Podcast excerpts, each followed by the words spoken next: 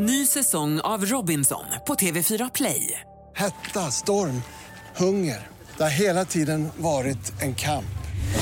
Nu är det blod och tårar. Fan händer just nu. Det. Detta är inte okej. Robinson 2024, nu fucking kör vi! Streama söndag på TV4 Play. Podplay. Hej, det här är Andreas som gör Misslyckade brott tillsammans med Mattias Bergman.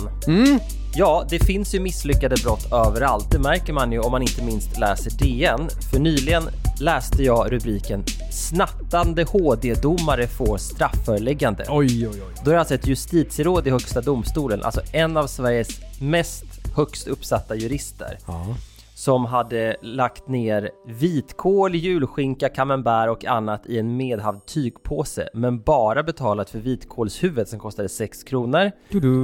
Personalen hade uppmärksammat detta och då hade den här domaren sagt Du vet inte vem du har att göra med, jag är domare i Högsta domstolen.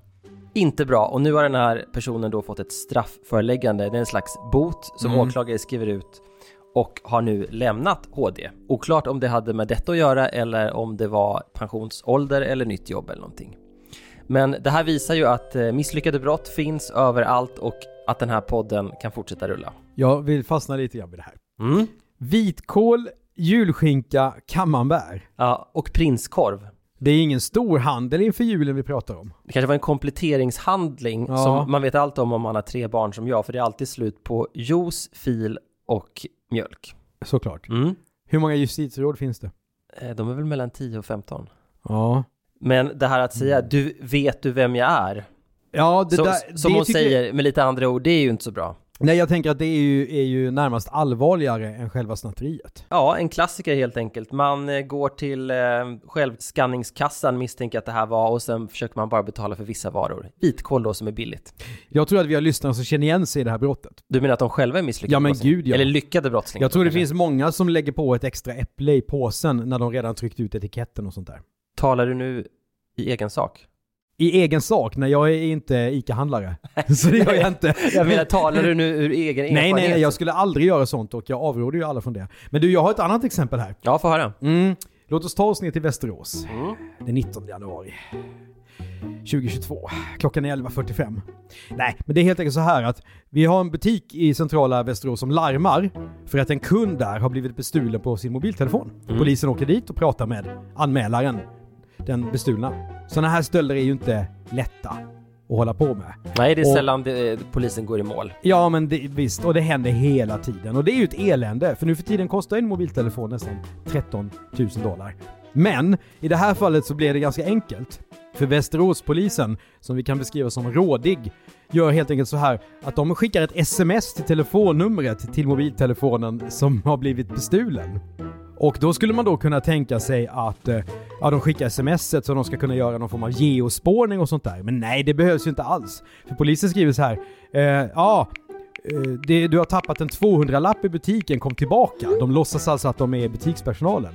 Var på gärningsmannen med den stulna mobiltelefonen i högsta hugg kommer tillbaka och går rakt in i fällan till polisen. Ah, underbart. Och sen hur det här slutar, det vet vi inte riktigt, men det här är ju en underbar liten historia som polisen själv berättar på sin sajt. Om storyn hade varit lite större så hade det ju blivit ett helt avsnitt av misslyckade brott. Och gud ska veta att vi inte alltid har gjort jättestora historier. Men i den här långa fina säsongen som kommer ut nästa vecka Andreas, då blir det ju rejäla baggar till stories. Ja, men vi har faktiskt några riktigt fantastiska stories här. Vi har kvinnan som ber för sjuka, säger sig bota dem och tar betalt. Dessutom hennes son, Piller-Daniel och inte minst mannen som byggde en kärnreaktor i köket. Till exempel, vi har ju också ett alldeles för långt avsnitt om Big Bengt Erlandsson. Nej, det är inte för långt och vi har bara skrapat på ytan där. Säger det. Men vi har ju också en personlig favorit som vi ja, nu på våren ska skicka ut till lyssnarna, även om det har lite jultouch, nämligen Sveriges största brottsoffer. Gävlebocken. Som du hävdar är utsatt för hatbrott. Ja, det gör jag verkligen. Därför att den här stackars bocken inte bara eh, tänds på, utan folk försöker också kidnappa honom med helikopter. Är Gävlebocken av hankön? Det utgår jag från. Ni lyssnare som har tips på ännu mer bra case som vi kan berätta om, eh, det vill säga inte då Gävlebocken för det gör vi redan, kan mejla till misslyckade at bplus.se och nästa vecka får man alltså hela säsongen om man är inloggad på Podplay. Just det, annars blir det ett avsnitt i veckan på övriga plattformar. Och stort tack till alla er som har skickat in case. För vi säger som vi alltid gör, att vi tänker gång efter gång, det här kanske är den sista säsongen, vi kanske inte kommer hitta mer case. Men tack vare alla era tips så kan den här podden fortsätta. Så därför vill vi gärna att ni skickar in ännu fler tips så att vi eh, kan fortsätta med ytterligare en säsong efter den här. Tack alla lyssnare!